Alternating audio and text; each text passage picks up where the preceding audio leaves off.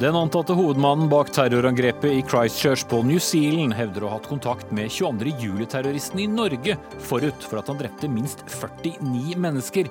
Men kan han egentlig ha hatt det? Etterforskningen pågår nå for fullt i saken rundt samboeren til justisminister Tor Mikkel Wara. PST skal ha hatt et hemmelig kamera ved boligen.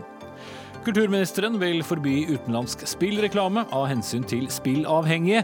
Det vil forårsake kanaldød, advarer Discovery. Etter tidenes brexit-kaos i Storbritannia, hvordan skal Norge forholde seg til hva som skjer?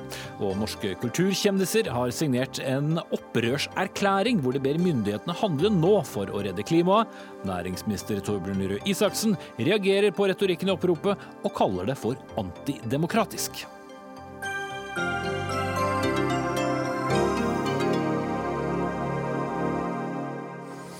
Da sier vi god kveld og velkommen til ukens siste Dagsnytt 18 med Espen Aas eh, i studio. Og vi skal eh, starte med hendelsene på New Zealand. For akkurat nå våkner nettopp New Zealand opp til eh, det som er en ganske vond dagen derpå. For i går ble som kjent byen Christchurch rammet av terrorangrep i to moskeer under fredagsbønn. Den mistenkte gjerningsmannen, som kaller seg Brenton Tarrant, er pågrepet og skal ha kommet til New Zealand for å planlegge og utføre angrepene. Han blir omtalt som en australsk høyreekstrem og en voldelig terrorist. Så langt er 49 personer bekreftet drept, mer enn 50 personer blir behandlet for skader. Og Torjer Olsen, du er professor i urfolksstudier ved Universitetet i Tromsø, har bodd på New Zealand og kjenner landet. Hvordan er reaksjonene etter dette sjokkerende terrorangrepet? Som forventa, så er jo reaksjonene prega av sjokk og sorg og forferdelse og over at det her kunne skje i New Zealand. Det er jo første gangen New Zealand blir ramma av et terrorangrep, og, og, det er jo med enormt sjokk det hele landet er prega nå. Mm. Vi kjenner jo til den ganske restriktive innvandringspolitikken i eh, Australia. Hvordan har New Zealand håndtert eh, tilsvarende politikk? Altså det, det, er ikke sånn at New Zealand har vært veldig liberal i sin innvandringspolitikk eller flyktningpolitikk, de heller. Men eh, samtidig så har det vært mer liberalt. Det har blitt et veldig mangfoldig samfunn i New Zealand de siste, siste ti årene spesielt, uh, med, med, mange som har kommet fra spesielt store deler av Asia. Mm. Men er også dette noe som har vært problematisert i, i politikk og, og media?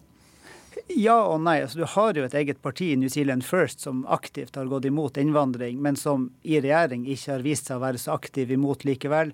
Eh, det har jo også der, som her, vært veldig sterke ord brukt i kommentarfelt og lignende fra ytre høyre men den idealen og de ideene om at New Zealand skal være et åpent samfunn, eh, har stått veldig sterkt. Og det er jo det vi også ser statsministeren i New Zealand i dag har uttalt veldig tydelig. Mm. Eh, vanskelig spørsmål for så vidt, men hvordan eh, vil eh, et såpass voldsomt angrep påvirke landet?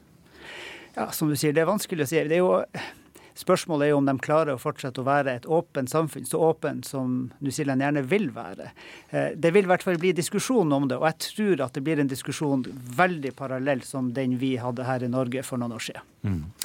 Lars Gule, du er eh, som kjent forsker på ekstremisme og flerkultur, og førsteamanuensis ved eh, Oslo OsloMet. Den mistenkte gjerningsmannen som er kjent under Brenton Tarrant, har også skrevet et 73 sider langt eh, dokument som blir omtalt som et manifest. Du sitter med det her. Her skriver han bl.a. at han er inspirert av 22. juli-terroristen her hjemme. Hvordan da? Han har helt konkrete referanser til Anders Behring Breivik. Han påstår at han har fått eh, velsignelse for denne aksjonen av noen av eh, Breiviks ridderbrødre. Eh, altså ikke av Breivik direkte, men han påberoper seg altså en direkte forbindelse eller kontakt med Breivik. Det er nok mindre sant, for å si det slik. Ellers så er det ideologiske innholdet gjenkjennbart. Dette er en person som erklærer seg som økofascist, som har Oswald Mosley, den britiske fascisten som vi kjenner fra mellomkrigstid og første, andre verdenskrig som sitt store eh, ideal, slik det framgår her. Han erkjenner seg som eh, rasist, som fremmedfiendtlig, som islamofob. Eh, og angrepene har vært primært hevn for de overgrep som hvite europeere har blitt utsatt, utsatt, for fra muslimer gjennom århundrer. Mm. Bare for å plukke opp en liten del av det første du sa. Økofascist, var det? Det betyr at han legger vekt på natur og miljø, eh, men han avviser at eh, folkeflertallet kan eh, trygge dette. Han avviser demokratiet som mobbstyre, og ønsker altså en sterk stat og eventuelt en sterk leder, for også å beskytte naturmiljøet. Mm. Er det noen klare ulikheter mellom dette manifestet og det som 22. juli-terroristen skrev i sin tid? Ja, jeg har ikke fått gjort noen detaljstudier her så langt, men eh, en interessant forskjell det er at mens Behring Breivik poengterte at ikke angrip muslimer. I hvert fall ikke hvis du kan, ikke kan klarer å drepe flere tusen på en gang, for da får de bare sympati. Eh, Breivik mente vi må angripe vi, det, er, det er femtekolonnen, det er forræderne, det er kulturmarxistene som angripes. Eh, eh, Brenton Turrant sier helt eksplisitt nei, vi skal gå løs på de som fortjener det. Nettopp for å øke spenningen i samfunnet. Eh, så han har en helt klar strategi, slik den i dette, skisseres i dette manifestet. Mm. Og Som Olsen eh, var inne på tidligere, dette er altså det første store terrorangrepet i, i New Zealand. Og ja, han i, har i hvert fall uh, satt litt av et sjokk i, i det landet, og ikke minst uh, samfunnet i, i, Christchurch. Helt opplagt. Men samtidig så er budskapet hans det er til europeere i Europa. Eh, for så vidt også i Australia og USA. Og det er interessant nok at en del av planen hans det er å skape så store motsetninger mellom de som er tilhengere av våpenkontroll og motstandere av våpenkontroll, eh, at han avslører alle planer eh, om å redusere borgernes rett til å bære våpen i, i USA. Så det er, det er ikke småtteri han har som målsetting med denne terroraksjonen. Mm. Eh, du var så vidt inne på det. Hvor stor er sannsynligheten for at han kan ha hatt kontakt med da, mm, ikke nødvendigvis Breivik eh, selv, men altså eh, noen av hans brødre, som han gjerne likte å omtale dem som? Jeg vil si at den er nesten null, fordi ingen fant noen gang noen av Breiviks medriddere. Han påberopte seg jo at det fantes en slik gruppering. Riktignok endte det opp med noen svette karer i en mørk kjeller i London. Eh, men, eh, men, ingen har sett noe til dem, og derfor er det grunn til å tro at dette er diktning inspirert av eh, manifestet til Breivik. Mm. Vi har vært i kontakt med Breiviks advokat Øystein Storvik, som ikke ønsket å stille Dagsnytt 18, men sier at det er som du er inne på, svært sannsynlig at han har hatt, kunnet ha kontakt med, med Breivik selv pga. soningsforholdene. Da. Men inspirasjonen er jo likevel uh, interessant her, uh, Gule. Det er jo gått eh, snart eh, åtte år siden terroren eh, rammet Norge. Men likevel er det tydelig at i noen miljøer så er dette manifestet noe som leses? Det eksisterer der ute. Dette manifestet, nye manifestet, vil også komme til å eksistere der ute. Mm. Det var ikke så vanskelig å finne det? Det, det tok meg noen få minutter når jeg startet å, å google etter dette. Og det som er en annen likhet, eh, og som eh, understreker dette poenget med internettets betydning, det er at eh, han har en, en lang liste med spørsmål til seg selv som han svarer på. Hvor har du lært det du har lært, og funnet fram til den kunnskapen du har kunnskap? Internett, selvfølgelig. Hvor ellers finner man sannheten i dag, sier han. Der har han funnet manifestet til Breivik. Der finner han meningsfeller, andre rasistiske, fascistiske traktater og og dokumenter. Eh, og vel, slik vil det være i overskuelig framtid. Inspirasjon kan man finne hvis man leter eh, også etter dette på internett. Usannsynlig var også det advokaten til Breivik sa, hvis noen ikke oppfattet det. Jeg vil bare også eh, tilbake til deg, Olsen, i, i Tromsø. Eh, kan dette også eh, raskt sette i gang helt nye type politiske debatter i New Zealand? Ja, det kommer umiddelbart. Og igjen så ser man parallellen til Norge, der debattene kommer veldig fort. Det har jo blitt diskutert allerede at hovedfokuset i arbeidet mot terror har vært mot islamisme. Eh, og så skjer det da at altfor lite ressurser har vært retta mot de høyreekstreme miljøene. Eh, og det er her det kommer. Så det er klart diskusjonen vil fortsette også i New Zealand omkring politikk framover. Mm. Og på sosiale medier her hjemme, Gule, så har det også boblet opp da et visst eh, engasjement? Ja, uh, umiddelbart så ser man jo at det kommenteres, uh, og fra alle synsvinkler. De som på mange måter deler eh, virkelighetsbeskrivelsen og analysen, uten at de dermed er tilhengere av vold og terror, eh, så er det veldig mange som eh, mener at det er nettopp muslimene som har skylda eh, sjøl for dette angrepet. Eh, og politikerne som har eh, sluppet inn så mange muslimer. Virkelighetsoppfatningen om at dette handler om en invasjon, for det er det som er grunntema i, i dette manifestet, og at denne invasjonen må stoppes mange ekstreme vil si at ja, det må vi gjøre med politiske midler, og så er det da noen, Breivik, denne karen her, som sier nei, vi må faktisk eh, bruke våpen. Resultatet er at eh, vi får en klassisk 'blame the victim' for den volden eh, ofrene eh, har blitt utsatt for. Mm. Dumt spørsmål kanskje, men eh, går det an å forhindre, eller på en eller annen måte være mer preventive for at din, denne typen terrorhandlinger eller ideologier spres? Dessverre. Eh, det er et langt forebyggingsarbeid som kan bidra til å redusere terror. Og vi kan selvfølgelig utvikle bedre sikringssystemer, slik at man ikke bare kan gå inn i en moské og skyte. Kontrollere omsetning av og tilgang på våpen bedre. Eh, så selvfølgelig kan vi gjøre mye, inklusive godt politiarbeid, for å redusere muligheten. Men å skulle fjerne den fullstendig, som mange ser for seg, det ville være ødeleggende for eh, friheten i vårt samfunn. Da ville vi bli et, et, totalitært samfunn. Så vi må finne denne balansen. Forebygging, begrensning av skade eh, og bevaring av eh, friheten. Mm. Takk skal du ha, Lars Gule, førsteamanuensis ved Oslo OsloMet. Og også takk til Torjer Olsen, professor i urfolksstudier ved Universitetet i Tromsø.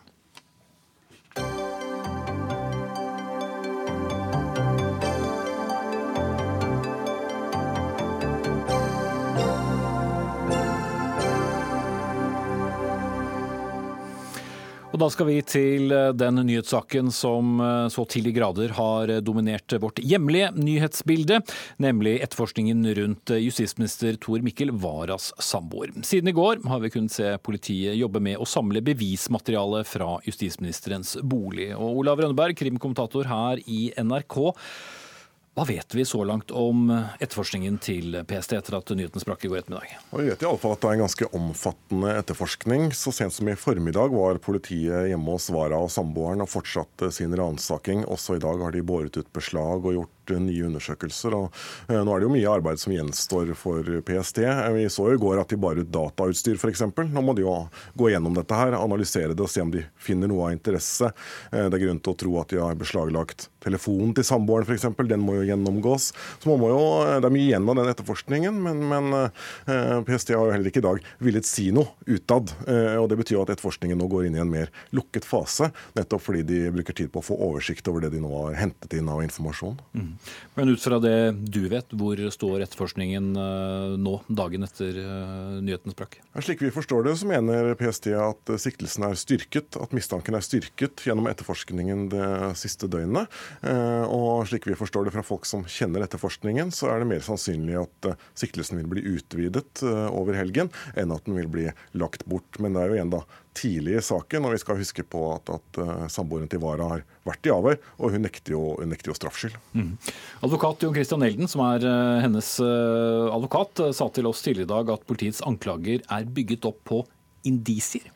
Ja, og så er det viktig å si at han nå i en tekstmelding til oss bare for noen minutter siden sier at han har mottatt nye dokumenter i saken som gjør at han mener mistanken er svekket. Mm. Så det blir jo eh, på mange måter ord mot ord her. Eh, men det vi også skal huske på, er at det første avhøret som var gjennomført i går, det, det var en slags fri forklaring, etter det vi forstår, der, der den siktede ble, ble, spurt om hvordan hun mener dette henger sammen, og at hun fikk forklare seg fritt. Det er veldig vanlig så tidlig i en etterforskning at det første avhøret, at den siktede blir gitt anledning til da nærmest oftest å snakke ut og får veldig åpne spørsmål, og at man i avhør senere eh, går til konfrontering, går inn i en ny fase hvor man da i større grad konfronterer med de bevisene man har i saken. Så det er slett ikke sikkert at verken advokaten eller den siktede selv så langt har innsyn i alle bevisene i saken. Mm. VG opplyste i dag om at eh, PST skal ha sikret bevis med et hemmelig kamera ved boligen. Hva vet du om det? Ja, det, skal ha vært montert minst et eh, hemmelig kamera. Nå ser jeg det at det er en ordstrid mellom advokat Elden og PST om dette kameraet var hemmelig for Vara og samboeren, men i alle fall et kamera skal stå sentralt i mistankegrunnlaget i denne saken. Det skal ha vært brukt som bevis. Men, men etter det vi får opplyst, så er det flere tekniske spor i denne saken. Man har gått til Oslo tingrett. Man gikk jo dit for å få en beslutning om ransakelse. Og man fikk jo retten med på at det var skjellig grunn til mistanke. Eh, og etter det vi forstår, så la man flere momenter på bordet eh, til dommeren i tingretten. Eh, flere tekniske spor, hvor kameraene var ett av momentene. Mhm. For et av poengene var også, som ble sagt før nyheten ble kjent i går, at mange av kameraene da ikke hadde stått på eller virket når disse gjerningene var utført rundt boligen. Ja, Den siste saken var jo, var jo søndag, eller natt til søndag, var det vel. og Da skal det jo ha vært en teknisk svikt, ifølge det Waras samboer skrev på Facebook ved disse kameraene. Men det kan jo da virke som at i hvert fall minst ett kamera eh, fortsatt var operativt. Men, men helt hva PST har fanget på dette kameraet, eh, det er ennå ikke kjent. Kanskje vil, vil sikkerhetstjenesten eh, over helgen ut i neste uke gå ut med noe mer av hva de har, noe mer om hva som danner dette mistankegrunnlaget. Mm. jeg er inne i en lukket fase, som du sier. Men hva er grunn til å tro vil skje videre nå i de nærmeste dagene? Jeg tror den vil forbli lukket, denne etterforskningen, iallfall gjennom helgen. Jeg tror ikke PST kommer til å holde noen ny pressekonferanse eller gi noe særlig med intervjuer nå, nettopp fordi de vil bearbeide den informasjonen de har hentet inn. Vi hører at det heller ikke er planlagt noen nye avhør av samboeren, men all, det er all grunn til å tro at det vil bli flere avhør utover i, i neste uke, og, og, kanskje vil PST da som sagt også gå ut med noe mer informasjon i neste uke. Denne, dette er jo en sak av veldig stor interesse, stor offentlig interesse, så eh, sikkerhetstjenesten har jo et press på seg her til å gå ut med mer informasjon. Takk skal du ha, Olav Rønneberg, krimkommentator her i NRK. Vi har eh, også i dag vært i kontakt med flere politikere og også statsministerens kontor om denne saken, og bedt om eh, Erna Solbergs deltakelse i Dagsnytt 18, noe vi trodde vi skulle få ettersom hun åpnet eh, partiet Høyres landsmøte i dag. Men svaret, det var nei.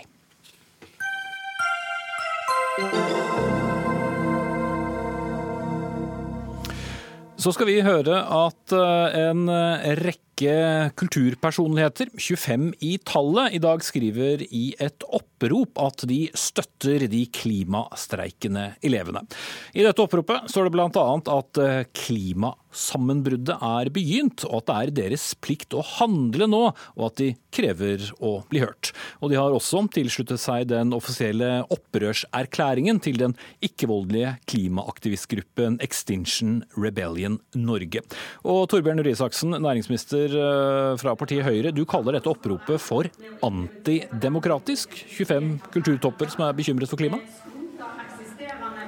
Jeg sier at uh, retorikken som brukes i uh, den kronikken, er, er, antidemokratisk. Og det du brukte nå som utgangspunkt, var jo ting som kunne stått i en hvilken som helst kronikk, og som ikke er noe problem å ha som utgangspunkt for en helt vanlig politisk debatt om et helt avgjørende tema, nemlig hvordan vi skal håndtere menneskeskapte klimaendringer. Men det kronikken gjør, er å gå langt, vi, eh, langt videre enn det. Eh, man beskriver hvordan styresmaktene er illegitime, nødvendigheten av et opprør. Man eh, skriver sitat at det er borgernes rett å forsøke å gjenopprette et ansvarlig folkestyre. En rekke ting som vi kjenner igjen, og begreper og retorikk som vi kjenner igjen fra, fra antidemokratiske bevegelser til høyre og venstre.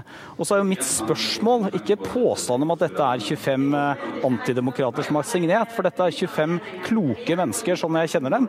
Mitt spørsmål er jo har de sett hva de selv har skrevet? Har de sett hvilken retorikk det er? Alt dette kulminerer for øvrig i et forslag om at man skal opprette et slags råd som er hevet over den folkevalgte politikken, som da skal eh, styre og monitorere klima- og miljøpolitikken. Mm. Ja, en av de 25 er deg, Arne Johan Vetlesen, professor i filosofi ved Universitetet i Eh, Oslo. Du er med oss på linje fra Tønsberg. Vet dere hva dere har skrevet under? Ja, jeg vil tro vi vet hva vi har eh, skrevet under. Men eh, Hvis jeg hadde tolket det slik vi nå hører Isaksen eh, gjør, så hadde jeg nok ikke skrevet under. Og det gjelder nok for de 24 andre også. Slik jeg ser det, så må dette betegnes som en meget engasjert ytring i det offentlige rom, med sterk ordbruk. Hvorfor det? Jo, fordi det for tiden brer seg en voldsom frustrasjon for ikke å si desperasjon, med tanke på alvoret i klimakrisen og vedrørende naturtap. Eh, det er eh, et eh, opprør i den forstand at vi har hundretusenvis av skoleelever i streik, anført av Greta Thunberg. Vi ser, enten vi er voksne eller barn, det enorme gapet mellom det på den ene siden som er nødvendige tiltak i klimapolitikken, for å avverge halvannen eller to graders stigning. Og på den ene side det som er den politiske kursen som faktisk føres. Eh, og som det er grunn til å frykte, hvis vi er på den kursen business as usual fremover, vil føre til en temperaturstigning på mellom 3,8 og 4,9 grader ved 2100. Så det er den fremtiden mange unge nå ser for seg, med mindre det settes i verk helt grunnleggende og raske tiltak som gjør at vi går ned i utslipp, at vi slutter med å påføre naturen disse tapene, istedenfor at vi er fremdeles i en situasjon hvor det går fra galt til verre, slik det har gjort de siste ti årene, dessverre. Og dagens demokratiske prosesser er ikke gode nok? Eh, det er ingenting i dette oppropet som eh, handler om et opprør som vil eh, erstatte det parlamentariske demokratiet. Men det vil ha oppsyn med det? Vi vil ha et råd, men det rådet kan godt utnevnes av regjeringen. Poenget er at vi ikke har et råd som blir et supperåd eller et sandprøvstrålingsorgan, eh, men som virkelig kan være bemannet eh, av eh, kompetente folk, og som kan gi innspill til hva som trengs, i tråd med det alvoret forskerne ser.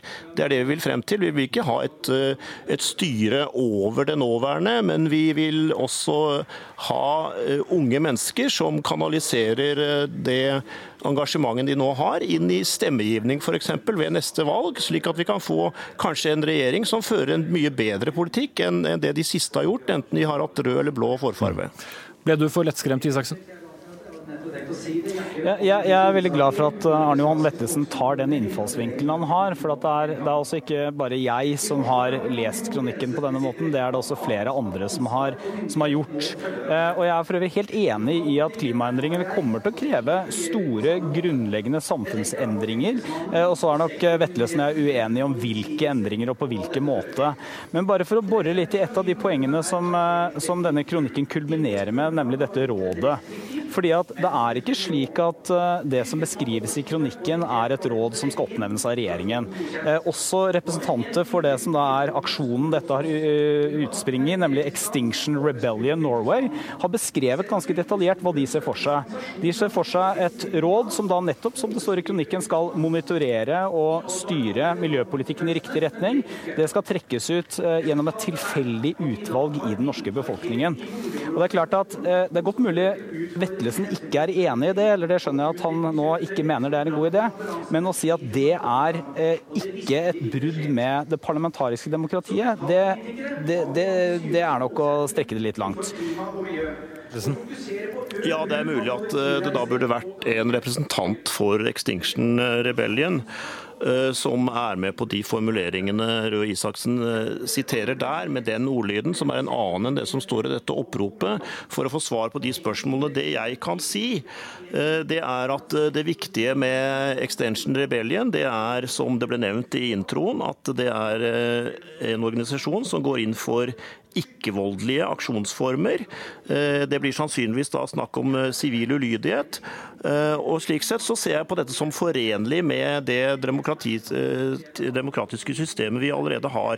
Det jeg har lyst til å si til Røe Isaksen når det gjelder bekymring for at vi kan se en annen type aktivisme, mindre demokratisk, mindre fredelig enn den vi f.eks. ser i form av skolestreikene nå, eh, det er at eh, det er en viss risiko, tror jeg, for at eh, en fortsatt business as usual-kurs med den forverringen av en allerede veldig alvorlig klima- og miljøsituasjon som vi allerede ser, vil kunne få enkelte, kanskje mange av dem unge, til å bli så desperate at de blir fristet til å gå vekk fra det ikke-voldelige, gå vekk fra sivil ulydighet slik vi kjenner den, og over i uh, sabotasje. Den behøver ikke være voldelig, men også videre deretter til noe som er virkelig antidemokratisk, og som utfordrer hele vårt system slik vi kjenner det, og vil bevare det som et demokratisk sådan.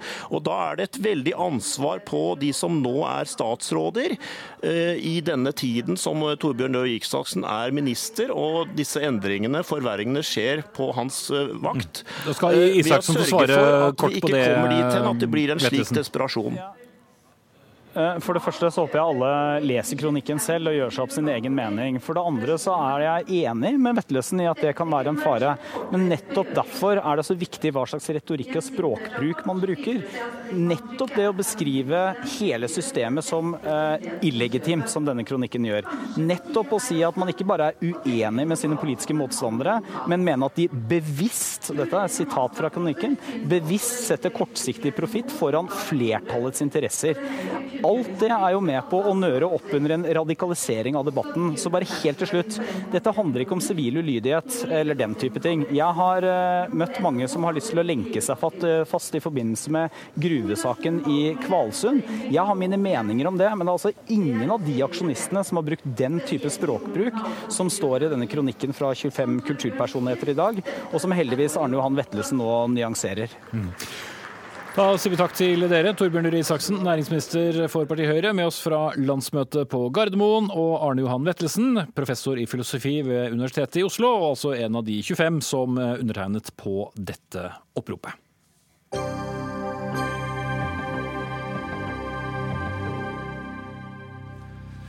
Reklame for eh, utenlandske pengespill, ja det er forbudt i Norge, men likevel så ser du vel eh, titt og ofte nettopp den type reklame. Årsaken er at TV-kanaler som har sendested i eh, utlandet, der det lokalt er lov, kan sende dette. Men nå vil kulturministeren sette en stopper for det hele av hensyn til spilleavhengige.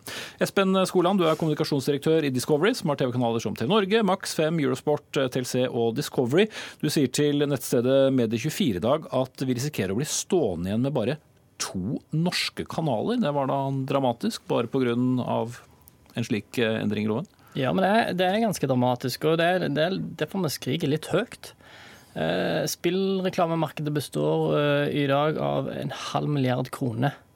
Dette er penger som eh, vi bruker på norsk innhold.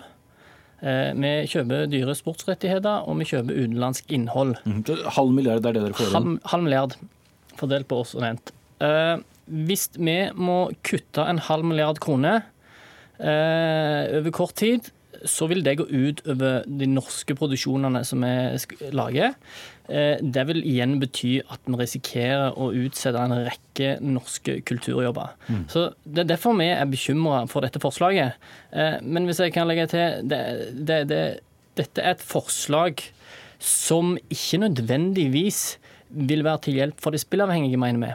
Og Det er derfor vi mener at dette forslaget lukter mest av alt av symbolpolitikk. For det er sånn at man går her på et uh, medie som er TV, som forskning viser er det mediet som i minst grad påvirker risikospilling.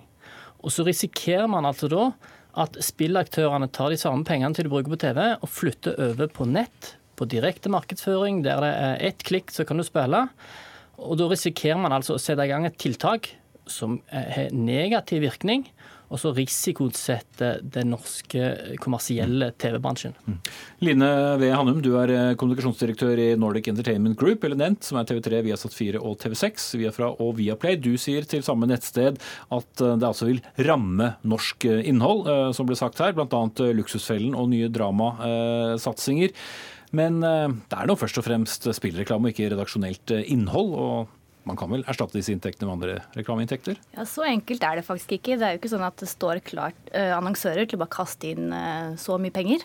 Så det blir rett og slett et vakuum. Uh, og det er jo problematisk, fordi da vil inntektene våre gå betraktelig ned. Og det første vi må kutte, da er norske produksjoner. Rett og slett fordi at det er dyrt. Det er dyrt å lage. Det er en kort produksjonshorisont. Så når vi kjøper sportsrettigheter, så vil det være bindinger da på flere år. Mens norske produksjoner bestiller vi fra sesong til sesong. Mm.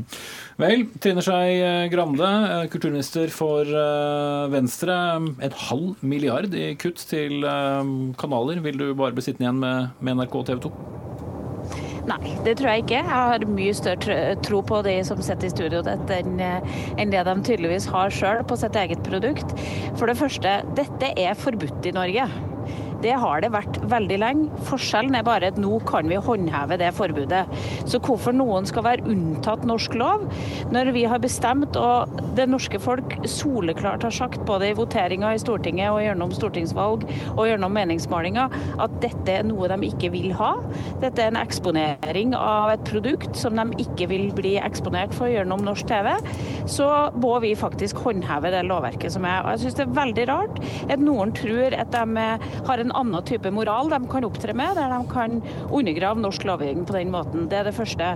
For det andre så må de også lese forslaget vårt, for dette handler ikke bare om TV. Nå kommer vi også med begrensninger på nettet, som gjør at du ikke kan gå inn på på disse nettstedene uten å få en klar advarsel om du nå beveger deg inn på et uh, annet område. Mm. Og så men er det jo Ikke så mange poeng på en gang, men, Gran. Du skal få komme inn igjen. Eh, du sitter for øvrig i en bil hvis noen lurer på, på støyen i, i bakgrunnen. Eh, men det er jo et poeng, Skolan og ved Hannum, at eneste grunnen til at dere kan sende den reklamen, er fordi dere har valgt å flytte sendestedet ut av Norge. Hadde dere hatt det her, så kunne dere jo ikke sendt det. Det er jo et smutthull. Jeg mener nettopp at det er et poeng. Det er ikke et smutthull, og det vi driver med er ikke ulovlig. Og jeg er egentlig litt overraska over at eh, venstrelederne her eh, sier at eh, det som er EU-lov, er et smutthull. Vi forholder oss til EU-lovgivning, vi forholder oss til norsk lov og til Storbritannia sine lovverk for akkurat kringkastingsfeltet. Så det vi driver er ikke ulovlig, men nå vil man altså endre på regelverket Eh, og Så får man da se om det lar seg gjøre, eh, gitt det regelverket som ligger i EU i dag. Mm. Men det jeg ikke skjønner, eh, Trine Skei Grande, hvis du tillater. Hvordan skal du eventuelt stoppe det? Så Vi har jo tilgang på en rekke andre kanaler enn en disse små uh, norske, som også fort kan sende spillreklame. Hvordan, hvordan skal du stanse andre giganter? Nei, nå er det sånn at nå åpner regelverket i EU for at dette kan håndheves som norsk lovgivning. Jeg lurer jo på om de mener at de skal unntas alle mulige andre regler, f.eks. kjøre alkoholreklame eller andre deler som det er bred enighet i Norge om at man ikke skal gjøre. Men det andre som jeg syns er altså det mengden penger det her er snakk om, nemlig eh, så mange hundre millioner, millioner som de snakker om, så betyr jo dette at dette er et svært marked. Vi vet at så å si alle, eller over 70% av dem som har spillproblemer, er knytta til nettopp disse selskapene. Det er ikke Norsk Tipping eller Pantelotteriet som fører til spillproblemer på samme måten som disse selskapene faktisk gjør. Så Det er det en viss moralsk tankegang man også må ha med seg når det brukes så mye penger. Og så mener jeg at man ikke tar inn over seg et grunn til at f.eks. idrettsrettigheter som disse kanalene kjøper, blir så dyre, er jo inntektspotensialet som ligger ligger nettopp dette. Så jeg tror at mye av produksjonene kan bli billigere, fordi, eller i hvert fall innkjøp altså, kan bli billigere, fordi at man ikke har denne inntektskilden man kan vise til, som har kjørt opp prisen på spesielt idrettsrettigheter til å bli, være veldig dyr. Og så tror jo jeg at kundene bestemmer litt òg, og kundene vil jo ha norsk. Kundene kommer til å se på åndenes makt framover også, så det vil også lønne seg å produsere eh, produsert, framover. Da, jeg syns dette viser en litt manglende forståelse for hvordan eh, markedet vårt fungerer, egentlig. Eh, vi møter konkurranse fra Netflix og HBO og store globale aktører, og norske seere er vant til et eh, ganske stort bra, høyt produksjonsnivå. Og det betyr altså at norsk produksjonsbransje har fått større krav til seg og produserer nå på et fantastisk bra nivå. Og det er dyrt. Det er jo ikke sånn at det blir billigere. Det blir jo heller dyrere. Eh, det er også en annen ting her som jeg tenker vi må berøre, og det er at vi er inne i en fase nå som eh, avisen har vært i lengre tid. Eh, vi skal omstille oss fra en, en lineær til en digital økonomi. Vi trenger tydelige og, og rammevilkår. Ja, Det er det dere får nå. Ja, du kan ikke trenger... dra til utlandet og sende reklame? Nei, men vi har vært i, i, London siden 1987, faktisk. 1988 var vel da vi fikk de første sendingene. Og vi omgikk Kringkastingsmonopolet. Og det er årsaken til at vi er i London i dag. Og Derfor må vi også forholde oss til de reglene som gjelder i, i EU og i eh, Storbritannia. Mm. Eh, men, men, Trine Skei Grande, altså, eh, Norsk Tipping er jo den aller største aktøren eh, i, i, Norge. Det kan vel ikke være sånn at den ikke fører til spillavhengighet, eller at folk bruker masse penger på spill? Jo, men de har jo også da den, en forholdsvis liten andel av, av det som da kontakter eh, Som får problemer pga. spill. Det er mye disse andre aktørene som har. Så jeg håper jo at det er en viss sånn moralsk diskusjon i noen av disse selskapene om. Ettersom man ikke sender alkoholreklame, så er det jo en moralsk vurdering av hva det er som er rett. Og så er det sånn, eh, Vi i Venstre vi skulle gjerne ønske at du også at vi ikke hadde enerettsmodellen, og at vi også kunne slippe til andre med konsesjon konsesjoner. Men når vi har dette regelverket, så kan ikke bare unndra noen fra en nasjonal lovgivning når vi nå kan håndheve den også i Europa. Og Det er en grunn til at EU-systemet nå har åpna for at man kan håndheve den type lovgivning sterkere i hvert enkelt land, fordi at man ønsker å regulere det. Så bare slippe til eh, skolene her, eh, selv om du har to motstandere, Trine Skei Grande. Ja, jeg vil bare si ja, vi har diskusjoner rundt dette, absolutt. Eh, og vi har bestemt det er ingen som sender alkoholreklame i Norge. Vi gjør det heller ikke. Vi kunne i prinsippet gjort det. Dere kunne gjort det, kunne, og mer uh, medisiner vi, vi, vi, kunne gjort det. Men nå har staten lagt seg på, på den eh, linja her at det er greit å sende spillreklame. Da har vi valgt å legge oss på samme linje. Og så fremstår det meg litt dobbeltmoralsk, denne debatten her, å diskutere som at det ikke er noen synder begjort av Norsk Tipping. Norsk Tipping eh, har vel selv lista opp at det finnes rundt 30 000 risikospillere blant deres egne spillere. Men det er ikke vårt viktigste poeng. Vårt viktigste poeng og beskjed til Skei Grande er denne. Jeg er ikke helt sikker på om Grande selv forstår at du faktisk strammer inn grepet rundt den kommersielle TV-bransjen noe veldig når du på den ene sida deler ut statsstøtte på 135 millioner kroner til TV 2 som henter inn et overskudd på 400 millioner kroner i året. På den andre sida så kutter du av og strammer inn en viktig inntektskilde for oss på en halv milliard kroner. Hvis det er sånn vi skal konkurrere i framtida, så blir det ganske vanskelig for de kommersielle TV-selskapene som ikke mottar ei krone i statsstøtte, å faktisk konkurrere. Mm, det må du svare på, Grande. Jeg mener at det er underlig å si at jo, alkoholreklame er en reklameforbud vi er uenig i. Så det er enig, ja, men svar på det siste som han tok opp. Men for det, for det, første som er framført, så tror jeg nok at veldig mange av de, de utgiftene som man har hatt, fordi at man kunne ha tatt så enorme inntekter fra disse spillselskapene sin reklame, gjør at noen av disse innkjøpene f.eks. til disse selskapene kommer til å bli annerledes. Dette vil oppstå en ny dynamikk, det er soleklart. Men det kan ikke være sånn at vi har norske TV-kanaler som sender på norsk til det norske publikummet, som sitter og plukker hvilke lover lover de har lyst til å følge, og hvilke de ikke har lyst til å følge.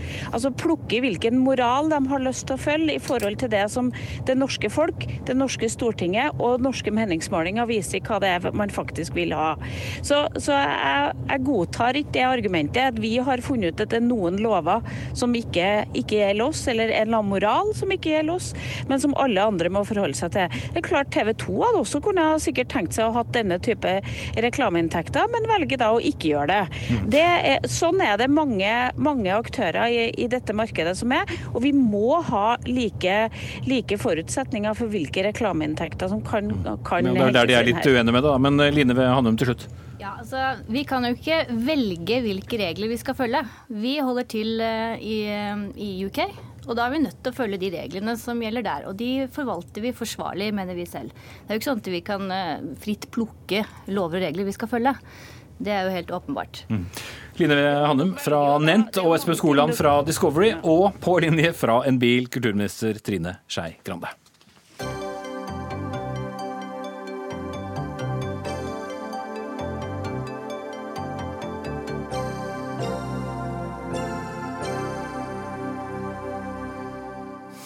Så var det ukens eh, kanskje mest dramatisk og langvarige soga, nemlig soga om brexit. For denne uken er Theresa Mays skilsmisseavtale med EU blitt forkastet for annen gang.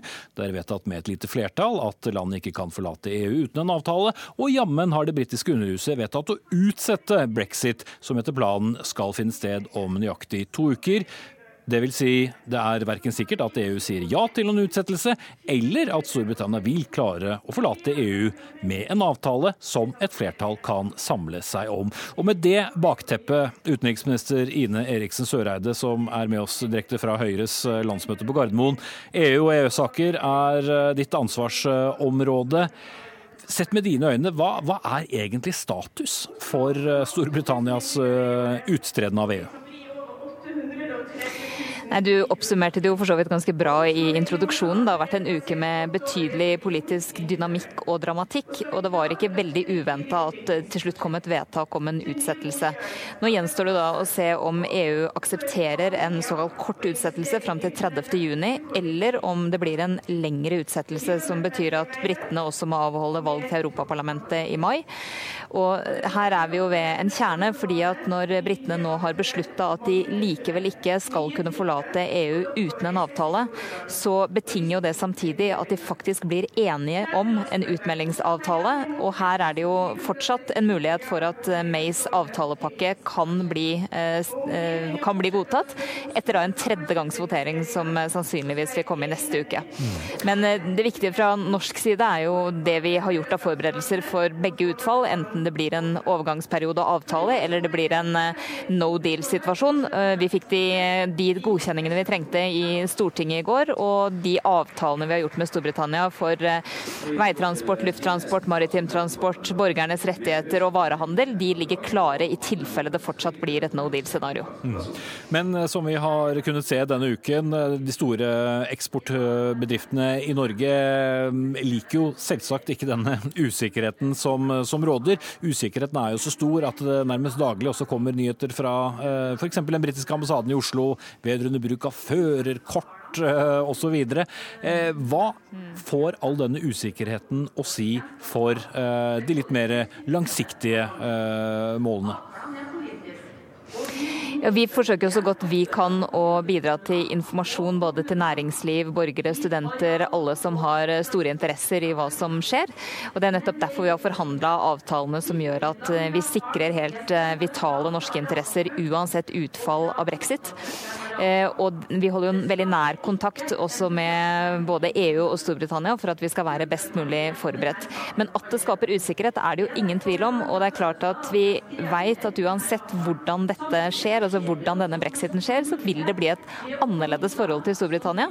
Selv om vi ønsker å ha det så nært og tett som mulig, så sømløs handel som mulig, så er det klart det får konsekvenser at Storbritannia går ut av EU, og dermed også ut av EØS. Mm. En annen absolutt reell eh, mulighet, i tillegg til at Storbritannia kan forlate EU uten en avtale, er at det kan komme et flertall i det samme parlamentet om at man vil bli i en tollunion med EU, at man vil søke en tettere tilknytning til EU, enten gjennom det som er kalt en, en, en Norway Plus, som er uh, lignende EØS-avtalen, men med, med deltakelse i, i tollunionen. Sett med norske øyne, er det best om Storbritannia går for en relativt hard brexit, altså kutter de fleste båndene til EU, eller at de kommer nærmere en norsk avtale? Det er det jo fullt og helt opp til britene å bestemme, men så langt har jo britene sjøl avvist veldig klart en eh, løsning som ligner på EØS, eller det å til og med bli med i EØS, som jo var en diskusjon på et tidspunkt. Og Hovedårsaken til det er jo at EØS eh, fordrer at alle de fire frihetene som utgjør det indre marked, fungerer. Og britene har jo reservert seg sterkt mot fri personbevegelse og også felles regelverksutforming. Og Det er jo mye av årsaken til at de ønsker å gå ut av EU, fordi de nettopp ikke vil ha fri personbevegelse og felles standard standard og regelverk. Og Det er en grunnforutsetning for at det indre marked skal fungere. Det er en grunnforutsetning for EØS. Eh, og Derfor så har jo britiske myndigheter vært veldig klare på at det ikke er aktuelt eh, for dem. Eh, og så må jo diskusjonen videre nå vise hvilken løsning britene ønsker. Både om de vil ha en overgangsperiode, som de jo ligger an til hvis de forlater EU med en avtale. En overgangsperiode som gjør at det meste blir som i dag i et ca. halvannet års tid framover. Eller om de bestemmer seg for for å forlate eh, med en annen form for avtale som gjør eh, bruddet bråere, og, og dermed også selvfølgelig skaper noe mer usikkerhet. Men, men, fra norsk side så er det viktige budskapet fra oss at vi er forberedt på begge utfall. Vi har gjort klart alt. Vi har, kommet, vi har gjort klart alt vi kan gjøre på dette tidspunktet. Og det har vært i nært samarbeid med britene, i nært samarbeid med EU og ikke minst Island og Liechtenstein. Mm. Ikke et helt klart svar på det siste her altså, men takk til utenriksminister Ine Eriksen Søreide med oss fra Høyres landsmøte på Gardermoen. Hva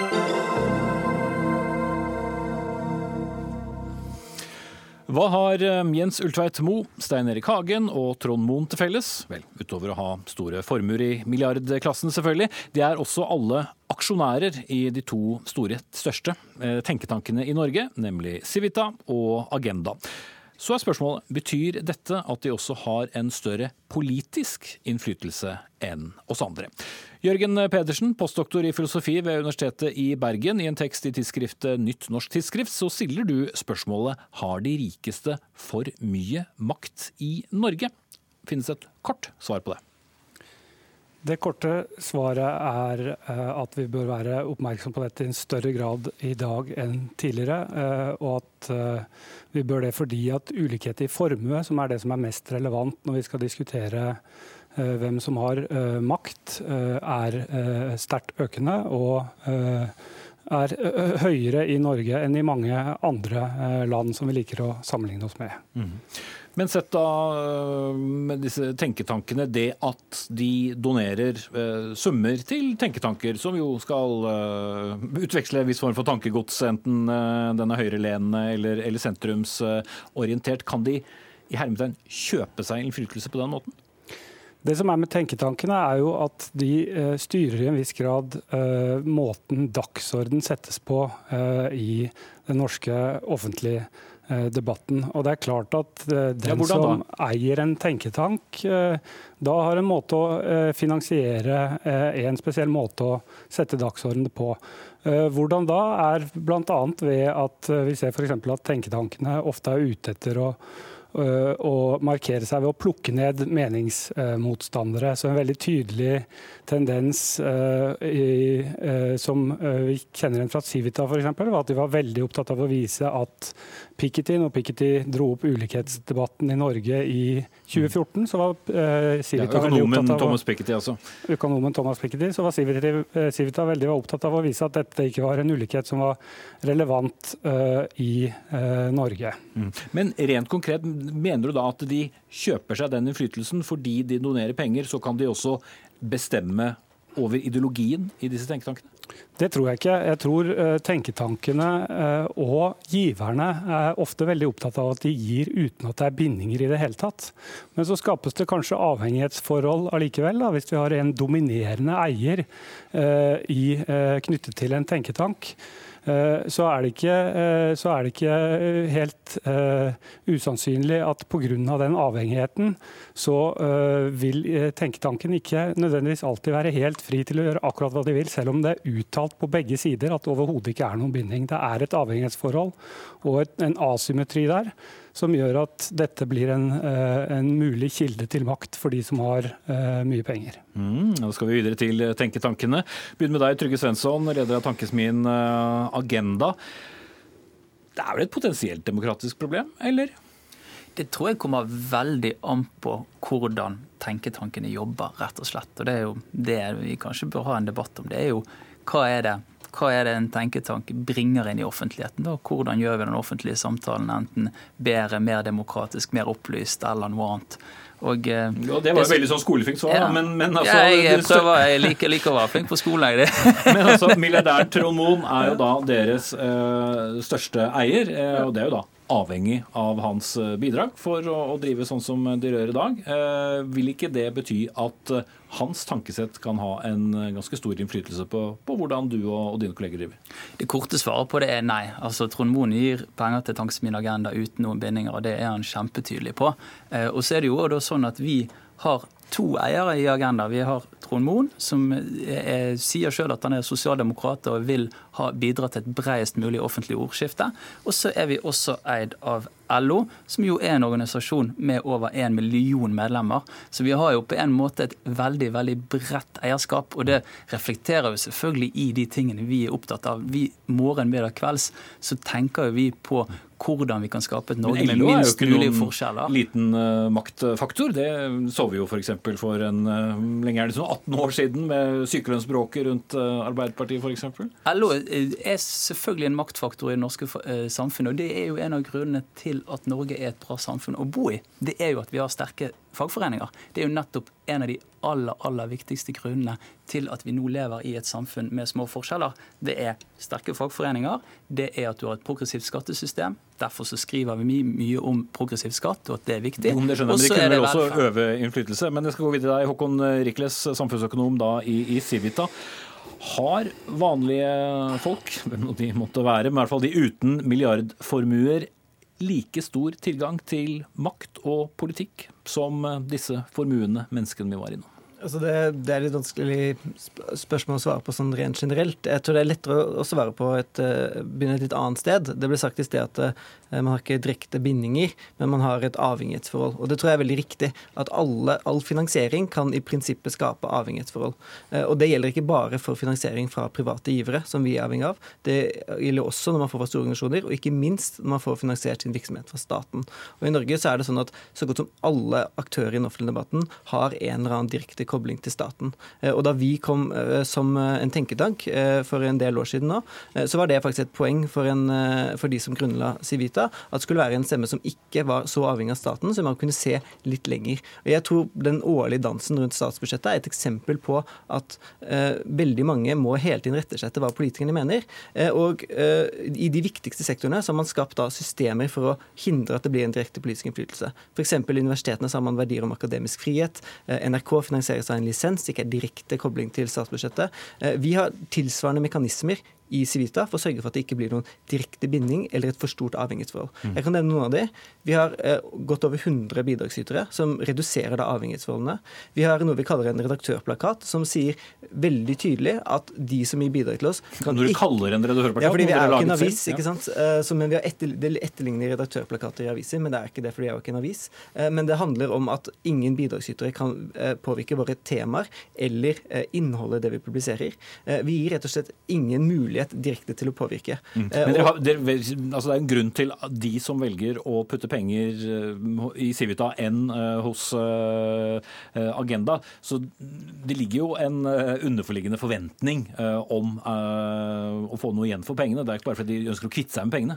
Ja, de, de har nok en underliggende forventning at vi skal leve opp til vår formålsparagraf. Og det det sier om å bygge opp om liberale verdier, rettsstaten, og også fremme ting som at næringsliv faktisk er viktig. Altså, Sødre Trygg nevnte mange ting som er er viktig for at vi har det bra i Norge. Eh, jeg vil er enig i alle de punktene. Jeg vil kanskje legge til at vi har et verdiskapende næringsliv.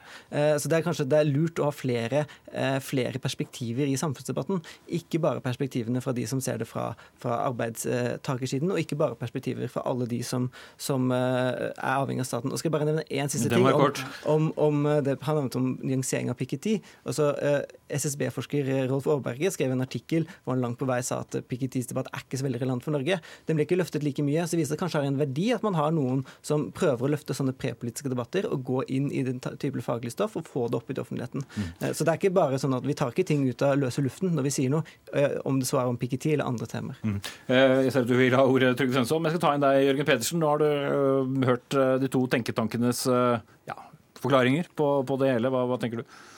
Nei, altså eh, Det eh, som sies om eh, Piketty-debatten her, tror jeg kan være med på. Mitt poeng var å illustrere at noe av det som gir tenketankene innflytelse, er at de er raskt på banen og plukker ned meningsmotstandere, enten det er forskere eller andre, og kan den, på den måten påvirke folks mening. og det er den kilden til å påvirke folks mening, som da altså eh, er en kilde som blir muliggjort, eller blir muliggjort å ha den type påvirkning på folks meninger eh, av eh, private donorer, som gir private donorer en kilde til makt. Og Det er det jeg har vært opptatt av i utgangspunktet her. Mm. Svensson og så Rikles.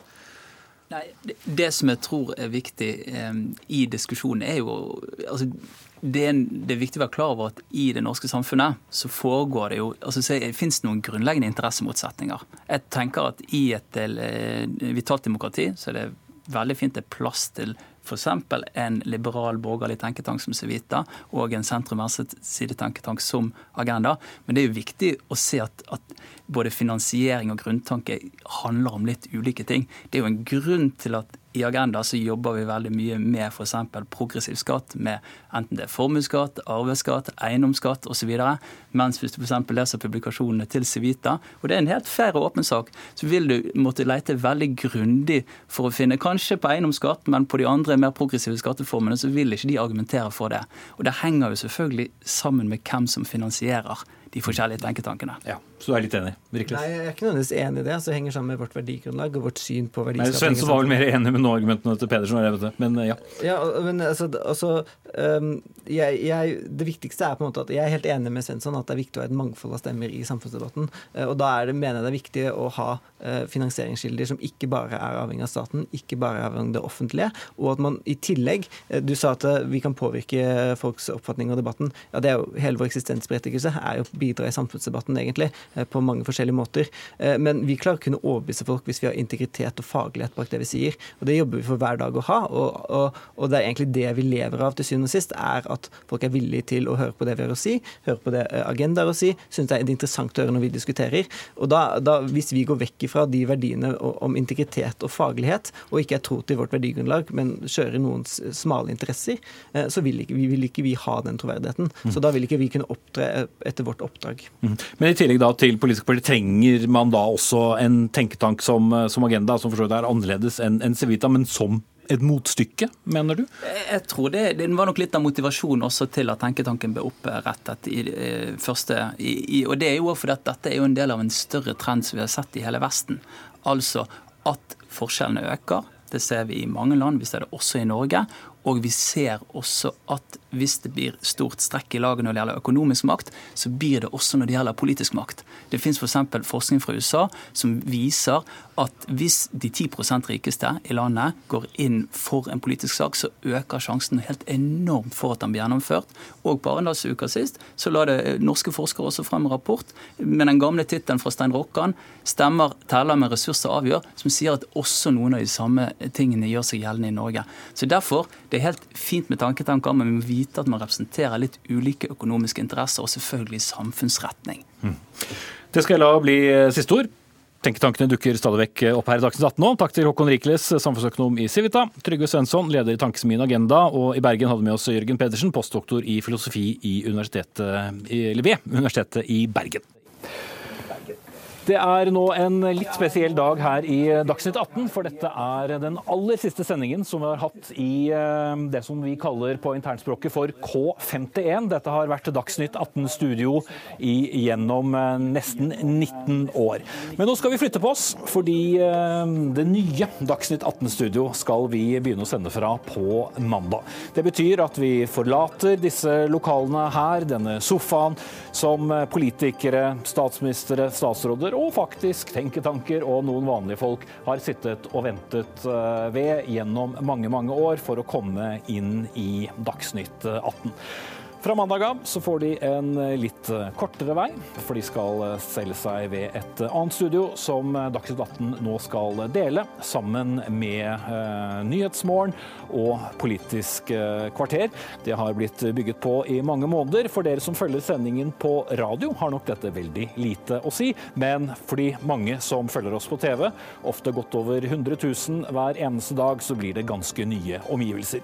Det blir en ny ventesofa etter modell av den gamle utenfor eh, studio, som den samme tvisten selvsagt skal eh, serveres sammen med vann og kaffe. Men det viktigste, journalistikken, som blir den samme uansett studio, vel, den skal skje her inne i dette studio. Dette blir eh, Dagsnytt 18 fra og med mandag. Da blir programlederen sittende her som før, med hodetelefoner, med mikrofoner, og så danderer vi gjestene rundt omkring. Litt mer fargerikt, litt eh, andre kameraposisjoner enn det dere som følger sendingene på TV har eh, vært vant med. Men dette blir Dagsnytt 18 som dere kjenner det. Det ser bare litt annerledes ut. Ansvarlig for den sendingen i dag, det var Fredrik Lauritzen. Finn Lie tok seg av det tekniske.